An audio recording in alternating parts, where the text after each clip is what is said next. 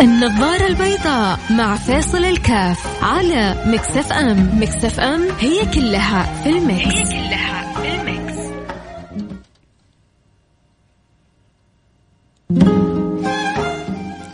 السلام عليكم ورحمة الله وبركاته. حياكم الله أحبتي في برنامج النظارة البيضاء أهلا بكل من يستمع ويتابع ويحب. هذا البرنامج على الفرساني ما شاء الله تبارك الله وصلت رسالتك. وأسأل الله سبحانه وتعالى أن يجعل الحب والود هذا والحرص. بيقول لي أنا صرت مدمن على البرنامج. شكرا لك. في إدمان سلبي في إدمان إيجابي. فإن شاء الله هذا يكون من الإدمان الإيجابي. الخميس مفتوح للجميع. بإذن الله سبحانه وتعالى اللي حاب اللي حابين يستفسروا حابين يسألوا حابين يرسلوا رسالة حابين يقولوا أي حاجة يعني اليوم يوم مفتوح صرنا بنخلي الخميس مفتوح لأنه وجدت إنه في في بالكم أحيانا استفسارات أسئلة أحيانا البعض في باله هم في البعض في باله فكرة يبغى يطرحها فالمجال مفتوح للجميع كالعادة. ندردش نناقش آه، نحاور نحاول نوصل أحيانا إلى فائدة إلى حل إلى آه، معنى إلى قيمة بإذن الله سبحانه وتعالى. هو هو المهم دائما في حياة الإنسان أن يخرج من حياته وعنده رصيد إيجابي عنده رصيد آه، معرفي عنده رصيد تنويري عنده رصيد ثقافي. ألا يخرج من هذه الدنيا وهو كالمفلس. آه، المفلس الذي ليس معه شيء. فيحتاج الإنسان دائما أن يكون عنده هذا الرصيد. رصيد محبة كذلك من الأشياء الجميلة التي يخرج بل هي من أجمل الأشياء التي يخرج بها الإنسان من هذه الدنيا أن يكون عنده رصيد محبة، في ناس سبحان الله. حتى بعد ما ربي اختارهم أنت تفتقدهم. حتى مع بعد ما ربي اختارهم أنت تشتاق لهم. حتى بعد ما ربي اختارهم وانتقلوا لما تذكرهم الدمعة تنزل على عينك. ليه؟ لأنه كانت عندهم قدرة على أسر القلوب. عندهم قدرة على نثر المحبة. عندهم قدرة على إسعاد من حولهم. عندهم قدرة على إعطاء الطاقة الإيجابية. عندهم قدرة على زرع الابتسامة. عندهم قدرة على جعل المحبة. هي هي العلاء الأمر السائد بين الاثنين عندهم كاريزما عندهم حلاوة. فهؤلاء حتى بعد ما ينتقلوا تجد ذكراهم. يسافروا يبعدوا عنك تشتاق لهم. وفي ناس تشوفهم كل يوم. ولا ودك تشوف. ولا ودك تجلس معاه. وإذا كلمك تبغاه متى يخلص كلامه؟ وإذا فتح موضوع تقول يا هادي يا سيدي طيب وبعدين مرحبا حاضر آه، أعطينا الزبد. تجلس مع ناس تبغى تسمع إيش يقولوا. تبغى تقول له زيد في كلامك كلامه حلو صوته حلو نبرته حلوة لطفه حلو ذوقه حلو. وفي ناس تقول له أعطينا الزبد خلصنا خلصنا. هات من الآخر طيب. طيب خلي الأمر هذا حشوف لك بعدين. تبغى تصرفه بأي طريقة. هكذا تنوع الناس. عموما اللي عنده أي استفسار أي سؤال أي حاجة حاب إنه احاوروا فيها أو له فيها يرسل لي رسالة على الواتساب صفر خمسة أربعة ثمانية, ثمانية واحد, واحد سبعة صفر صفر. أمر متعلق بأولادك أمر متعلق بالزوجة آه، متعلق بالعمل. أنت تشعر أنه في أمر معين بينك وبين الله سبحانه وتعالى حابب تسأل فيه حابب لكن بعيدا تماما عن حاجة اسمها الفتاوى. أي شيء غير الفتاوى إحنا حاضرين ابعدونا بس عن الفتاوى. وأبشروا بكل خير. ارسل لي رسالة على الواتساب صفر خمسة أربعة ثمانية ثمانية واحد واحد سبعة صفر صفر. وأبشر باللي يسرك وباللي تحبه. آه السلام عليكم والله يا ولدي. إني أستنى برنامجك. الله يسعد قلبك وينفع بك الإسلام المسلمين من جد كلامك مؤثر. الأخ رقمك 93 آه، أم فهد. شكرا يا أم فهد. والله يبارك لك في فهد ويسعدكم يا ربي ويجعلكم تجعلك خير أم لولده ويجعله خير ولد بار بأمه. اللهم آمين يا رب العالمين. آه رسالة بتقول طيب كيف اتخلص من الشكوك؟ طيب بعد الفاصل الآن حنطلع بعد شوية. فاصل إخباري ونرجع ونبدأ بيك أنت إن شاء الله ونتكلم كيف ممكن تتخلص من الشكوك. حروح الفاصل سريع ونرجع ونواصل. اللي عنده قلنا استفسار اللي عنده سؤال حابب يطرحه على الواتساب صفر خمسة أربعة ثمانية ثمانية واحد واحد سبعة صفر صفر. وإن شاء الله بعد الفاصل حنبدأ مباشرة. نفتح الانستغرام للبث لايف. فاصل ونرجع نواصل.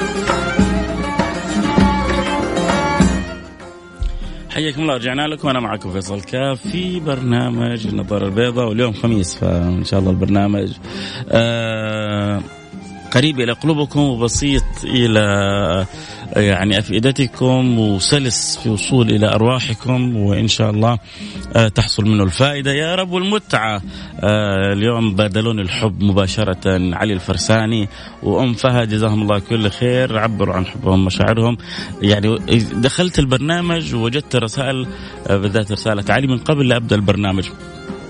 يقول لي ترى أنا صرت مدمن برنامجك ولازم جزء من يعني يومي إني أسمع البرنامج. فهذا الشيء شرف لي فلكم مني كل الشكر. أدام الله الحب بيننا. وربي يجعله خالص لوجهه. قلنا حنجاوب على السؤال اللي عند يتكلم عن كيفية التخلص آه، من الشكوك آه، بس خلونا كذا نمر على بعض الرسائل وأرجع أجاوبك. عندي موضوع كيف أكسب قلب إخواني امي بعد وفاة والدي علما بأني أنا الابن الأكبر في الأسرة وكل أفكاري واقتراحاتي ورغباتي في التطوير لأسرتي ونفسي آه، ونفسي تقابل بالرفض القاطع من أسرتي. بسبب إني لا أعلم شيء عن الحياة وأن أفكارك غريبة وستقوم بإفلاس مال العائلة علما بأن حقي من الميراث يقدر بالملايين. ولكن عبارة عن عقارات ويجب بيعها وتوزيع الإرث ليأخذ كل واحد منا حقه ومن ثم أتفرغ لتحقيق أحلامي. انصحني يا حبيبنا عشان لا أسوي شيء وأندم عليه مستقبلا. أريد أرفع قضايا في المحكمة لنيل حقي الشرعي وتحقيق أمنياتي وأعيش حياة سعيدة. هذه استشارة لازم بفلوس يا جماعة.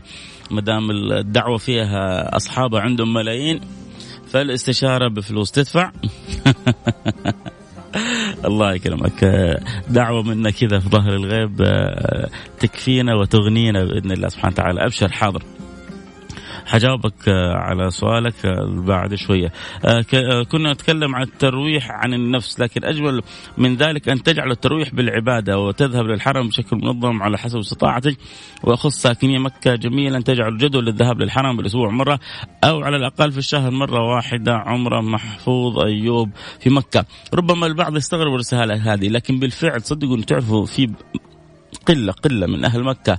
آه بيجلسوا بالسنوات ما بيسووا عمرة بالسنوات. وهم في مكة المكرمة ما بيسووا عمرة. في بعضهم قلة قلة من أهل مكة. بيجلسوا بالسنوات ما بيدخلوا الحرم. هذه النعمة هذه الأمنية اللي بيتمناها كل الناس. اللي بتبكي العيون لما بتشوف الكعبة عبر قناة القرآن الكريم في أندونيسيا أو في روسيا. أو في شيء من تلك المناطق بيحصل لهم البكاء شوقا إلى إلى بيت الله سبحانه وتعالى إلى الكعبة. وإحنا أحيانا بنكون حول الحرم سواء كنا في إيه، بحرة ولا في جموم ولا في ليت ولا في جدة أو في الطائف نصف ساعة إلى مكة وتعدي على بعضنا سنوات وما قد سوى عمرة. بتعدي عليه على بعضنا أعمار. بعض بعض من هم في مكة إلى الآن ما حجوا. بعض من هم في جدة أو يعني حول مكة إلى الآن ما حجوا. فهو لما بيقول لكم يا جماعة تغانموا النعمة هذه ترى بالفعل أنا سمعت قصص يعني يشيب لها الرأس من مرور أعمار من بعض الناس وما قد تغانموا النعمة هذه خصوصا في أوقات الأوقات اللي تكون ما بين انتهاء الحج وبداية العمرة. هذه أوقات ذهبية. تروح وتسوي عمرتك وتقبل الكعبة وتلمس الحجر ويا سلام! ما في زحمة. في أوقات كذا اللي هي مع نهاية الحج وبداية العمرة واللي مع نهاية العمرة آخر شوال وفي ذي القعدة وقبل بداية الحج. أوقات ذهبية تشترى يعني بأغلى الأثمان إنه الواحد يروح تلك المناطق حتى يستمتع بالحرمين الشريفين متعنا الله كذلك بالحرم. الثالث أولى القبلتين والثالث الحرمين آه، بيت المقدس. طيب آه، نرجع للسؤال الأولاني اللي قال أنا عندي شكك. شوف أن يكون عندك شك بسبب آه، أمر حاصل يعني طبيعي. يعني أنا مثلا واحد في البيت ولده كل يوم ولد صغير عمره مثلا نقول 15 سنة 16 سنة وكل يوم يجي رائحه الثوب كلها يعني تدخين. يقول لك أبوي لا أنا ما أدخن. هذول أصحابي. صحيح بس يعني في عوامل أثارت الشك. تيجي مثلا الزوجة متأخر كل يوم الساعة 2 3 تقول لك أنا عند صاحباتي ويوميا. ف يعني مسألة تلفت النظر. ولكن مع ذلك مع ذلك ينبغي يعني أنت أن تتحقق ولكن لا تنزع الثقة. متى ما نزعت الثقة مع الطرف المقابل الطرف المقابل حيسوي كل اللي في راسه. ما دام أنت ما أنت واثق فيها ما دام هي خربانة خربانة أنت بتنزع الثقة. هذا يعني شعرة الثقة أبقها مع كل من تحبهم. متى ما فقدت الثقة هدمت الحياة. فأحيانا في أسباب تستدعي للشك. فخلونا كذا نتفق. في أسباب يعني واضحة تستدعي للشك. تصرفات غريبة مريبة تستدعي الشك. هذا يعني طبيعي آه هذا يسمونه شك طبيعي. لكن في أحيان في ناس عندهم مرض الشك يتحول إلى أوهام يتصوروها فتتحول إلى مرض. والله يعين اللي عايشين معاهم لأنه يعيشون مع إنسان تغلب عليه الأوهام. طب أنا حجلس أتحمل أوهامك وانت حتتصرف على حساب اوهامك وحتعاملني باوهامك طب أنا إيش ذنبي؟ أعيش الحياة المرة هذه. فهنا انت لازم تسوي ستوب تبدأ انك تحارب الشك هذا تحارب الوسواس القهري اللي عندك تحارب الأوهام اللي بتجيلك. تحافظ على وضوءك تكون دائما على وضوء. آه، تبدأ تكتب بعض الأوهام اللي عندك تحاول تقنع نفسك. طيب آه، هذا الوهم إيش أسبابه؟ ترى طريقة الكتابة حلت مشكلة مع بعض الناس. إيش الأوهام اللي عندك؟ اكتبها. طيب إيش اللي إيش يعني عشان تبدأ أنت تشعر إنك بديت تفكر تفكير منطقي. ما هو بس جالس أنا اخلي الشيطان يلعب بيا. صراحة أنا عندي الشك في زوجتي أنا عندي الشك في ولدي أنا عندي الشك في مديري أنا عندي شك آه السبب إنه آه زوجتي أمس خرجت وما استأذنت مني. آه زوجتي لما خرجت قالت لي إنها رايحة مع أخوها وما أكدت علي. زوجتي العادة تصور سناب أمس لما خرجت مع أخوها ما صورت سناب. طيب خلينا كذا نمسك واحد واحد. طب خرجت وما قالت لك إيش يعني؟ غلطت نسيت يعني في ألف عذر وعذر أنت ممكن تحطه لها. ما صورت سناب يا أخي يمكن اليوم هذا البطارية كانت ضعيفة. هي كل يوم صور سناب يا أخي اليوم هذا يمكن كانت البطارية ضعيفة. يعني أقصد لما تحط المشكلة تبدأ تحط الأسباب. حتشوف انه كثير من الأسباب هي حيل شيطانية بيحاول. أن يفتن بينك وبين زوجتك أن يفتن بينك وبين أولادك أن يفتن بين أولادك وبينك. فتحاول انت كذا بخطاب لعقلك اللاواعي وقراءتك أن تلغي هذا الأمر. أول حاجة تحافظ على صلتك بربك قلنا. أه تحافظ على أن يكون لك نصيب من الذكر. الذكر سبحان الله بيجعل هذا الوسواس يخنس. من شر الوسواس الخناس الذي يوسوس في صدور الناس من الجنة والناس. قل أعوذ برب الناس. فلما تستعيذ بالله سبحانه وتعالى تكون صاحب صلة بالله هذا اللي في داخلك يخنس إن كان هو يلعب بك. اتفقنا؟ فإذا إذا كان عندي شك طبيعي فهذا أمر موجود في كل الناس. آه النبي صلى الله عليه وسلم لما مروا اثنين من الصحابة قال منها صفية. كان مع زوجته آخر الليل برا خارج البيت. قال ونشك فيك يا رسول الله؟ قال لهم إن الشيطان يجري من الإنسان مجرى الدم. إن الشيطان يجري من الإنسان مجرى الدم. فعشان كذا أحيانا نحتاج أن نقطع الشك ببعض التوضيح الصريح. التوضيح الصريح. أحيانا يحتاج أن تقطع الشك في يعني آه، قلب آه، أو عقل يعني منهم حولك بالتصريح الواضح. الزوجة عندها شك فيك. ما تحب تخبر زوجتك أنت فين كنت. بس الآن زوجة وأنت ما تبغى تعودها. بس حسيت إن الزوج المرة هذه متأثرة. يا أخي خبرها المرة هذه. ريحها. لا لا أنا ماني معودها طيب تمام أنت ما أنت معود بس المرة هذه هي عندها مشكلة. قول له يا أخي أثبت له يا أخي مرة. يعني مرة واحدة إيش إيش حينقص منك؟ ففي أحيانا بعض الأوقات يحتاج الإنسان أن يكون أكثر جدية أكثر صراحة أكثر تنازل. عشان ما ما يستغل الشيطان هذه المشكلة وتكبر. آه، شعرت إنه يعني حاولت تحل المشكلة حاولت إنك آه، تخاطب عقلك اللاواعي إنه ما يستمر في هذه الأمور. حاولت تخاطب عقلك الواعي إنك تتخذ بعض الأسباب. عندي شك في الوضوء. كل ما توضيت آه، أزيد في الوضوء. في ناس عندهم هذا في الوضوء يجلس ربع ساعة نصف ساعة الوضوء حتى علماء الشرع يقول لك اقطع هذا الشك. أنا شكيت إني وضيت يدي كامل ولا لا؟ إذا كان مرة مرتين عادي يرجع ويعيد لكن إذا كان لا عندك يعني شكوك دائمه اقطعها لا أقول أيوه توضيت لأنه حيستمر ويكبر معك زي كره الثلج تبدأ صغيرة وتكبر كبيرة وبعدين تبغى تتخلص من الوسواس هذا ما حتقدر. إيش وضوء في نص ساعة وفي ربع ساعة؟ الوضوء خمسة دقائق بالكثير. حتى هذه الزيادة خمس هذا إسراف في الماء. يا أخي غسلت أبغى أتأكد إن المويه جات في كل ذرة. والله ربي ما في أرحم من ربي. ربي إن شاء الله متقبل. التنطع الزايد وال وال يعني الفذلكه الزايده ما لها داعي. توضى يا أخي. بالوضوء مرر الموية. النبي لما كان يتوضأ كان يتوضا يعني في فيما يعادل كأسة يعني كأسة صغيرة. وضوءه كله. إحنا الآن نتروش بالموية. شوفوا أزمة المويه شوفوا الآن الأزمة بين أثيوبيا بين مصر بين... ترى أزمة المويه أزمة كبيرة يا جماعة. إحنا الآن في نعمة والله إحنا في نعمة وإحنا حاسين بيها. الآن مع زيادة الفواتير بدأ الواحد يحس بنعمة الموية. آه الموية سكروا لا خففوا. طيب إحنا من أول نجي ونفك في بيوتنا في سياراتنا في مزارعنا في كذا ولا نبالي عشان الدولة داعمة. منع في المويه هذه بتجي مويه غير صالحة بتمر بالتحلية، التحلية جدا مكلفة عشان تجينا بشكل جدا آه، آه، سهل وصحي ومفيد. نحتاج يكون عندنا وعي أكثر. آه اللي يحب يتابع الحلقة صوت وصورة ينضم لنا للإنستغرام live، إنستغرام live @فيصل الكاف، أتمنى إن اليوم الصوت يكون واضح عند الجميع.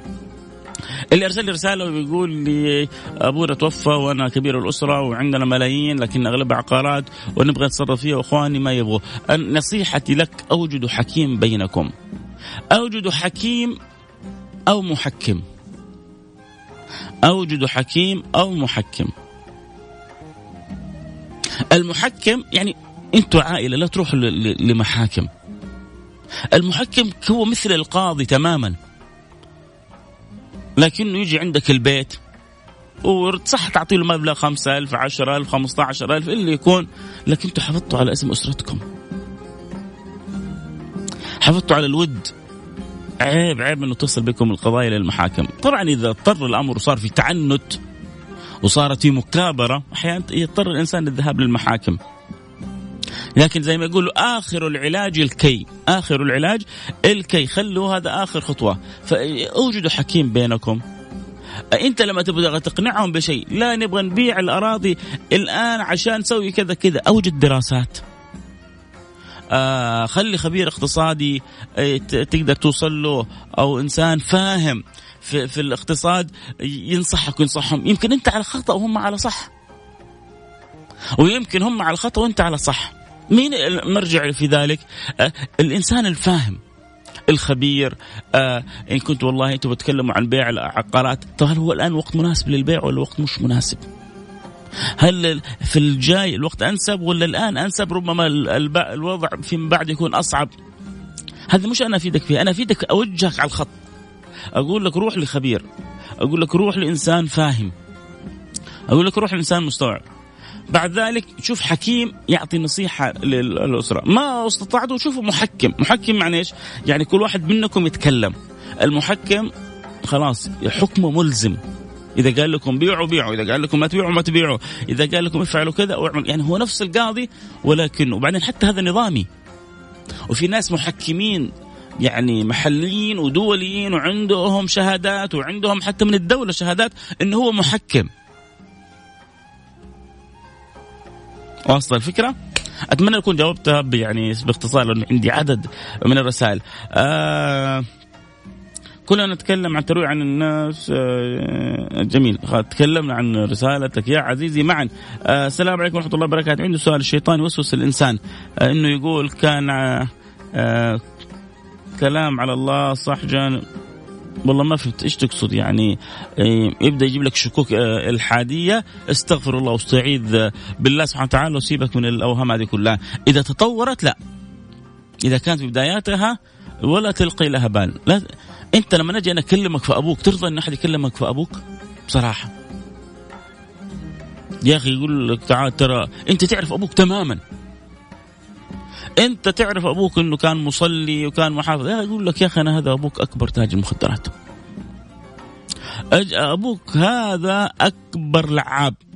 حتيجي تقول لي أثبت لي؟ حتعطيني ولا حتقول لي اسكت يا قليل الأدب؟ أنا أعرف أبويا. ما حتستنى حتى إنك تفكر يمكن كلامه صح. إيش يمكن كلامه صح؟ أنت 40 سنة وأنت أبوك متربي أنت بين يديك شايف صلاته وأدب واخلاق ومعاملته. كيف تسمح لهذا القليل الأدب إنه يجيب لك الفكرة هذه؟ صح والله. تعالى الله عما نقول علوا كبيرا. خالقك ورازقك ومنشئك وباريك و... واللي انت غارق في نعمه والمكرمك متفضل عليك. كيف تسمح للشيطان وأمثاله إنه حتى يعطوك مجرد الفكرة في سوء الأدب مع الله سبحانه وتعالى؟ على طول اقفلها. واستعذ بالله سبحانه وتعالى. يخنس الشيطان. لكن الفكرة بدأت تكبر تكبر. لا اجلس مع ناس من أهل الفضل. قول لهم أنا عندي الشبهة هذه؟ آه، عندي المسألة هذه مؤثرة في فأبغى ازيلها فكيف؟ صدقني لما يعني تجلس مع أهل الفضل حيزيلوا كل الشبهه اللي في رأسك. اتفقنا؟ اتفقنا. آه بالله عليك تناقش موضوع حقوق الوالدين مفهوم طاعة الوالدين قيمة وجودهم. للأسف نشوف كثير من الشباب قد يكون محافظ على صلاته وعنده مشاكل كثيرة في حياته وقد يعق والديه بطريقة هو شايف إنه إنها عقوق أو مو عارف إنه طاعتهم لها. لا عموما محمد حبيب آآ آآ أغلب أغلب بل كل الناجحين في حياتهم هم من الناس البارة بوالديهم. الناجح نجاح حقيقي. آه النجاح الحقيقي أن ترضي الله سبحانه وتعالى وأن تبر بوالديك. وال والفشل الحقيقي أن تشرك بالله وأن تعق والديك. ف يعني اللي عنده والدين عشان تبغى تفهم كلامي اسأل اللي فقدوا أبوهم وأمهم. وشوف الشعور اللي عندهم شوف الأحاسيس اللي عندهم. أنت لسه أبوك وأمك حيين؟ تفنن تفنن في كسب رضاهم. أحيانا قد يكون الوالد صعب أحيانا تكون الوالدة صعبة. هذا يعني زي ما يقولوا اعتبره اختبار من الله إنك أنت لابد تنجح فيه. خذ خذ خذ البركة والرضا منهم. احمدوا الله إنهم لسه موجودين. آه طريقة راقية هل هل هل هل هل هل هل حبيبي حبيبي هذا المحكم الدولي خالد أبو راشد. أهو يا جماعة. واحد عنده ملايين يقول لك أنا وإخواني مختلفين فيها. قلنا عندك خالد أبو راشد. واللي تعطوه خالد أبو راشد بالنص بيني وبينه. لا بس سؤال يا خالد التحكيم يعتبر كأنه المحكم يعتبر كأنه قاضي؟ أو رسمي في الدولة؟ ويقول لكم رسمي ولهم بطاقة أصلا في نظام صادر في الدولة اسمه نظام التحكيم. يعطى يعني واحد يقول لك أنا محكم يقول لك أنا محكم قول وريني البطاقة لأنه يعين من المحكمة من وزارة العدل. وزارة العدل بتعطي بعض الناس بطائق تحكيم. تراخيص تراخيص تحكيم. ف أنت ما يعني أنت كعائلة أنا أقول لكم عيب تروحوا المحكمة اجلسوا مع بعض جيبوا لكم محكم.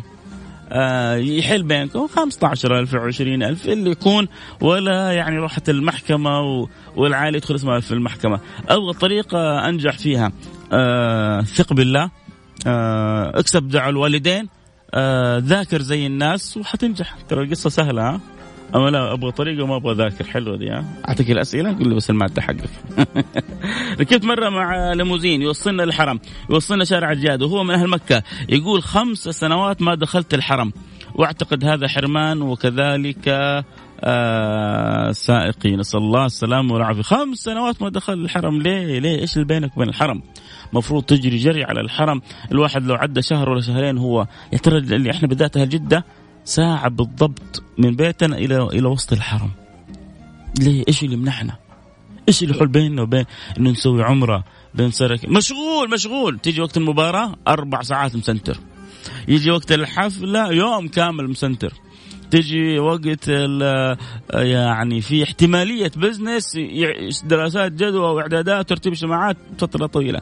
الحرام ما في وقت. القرآن ما في وقت. صلة الرحم ما في وقت. يا ها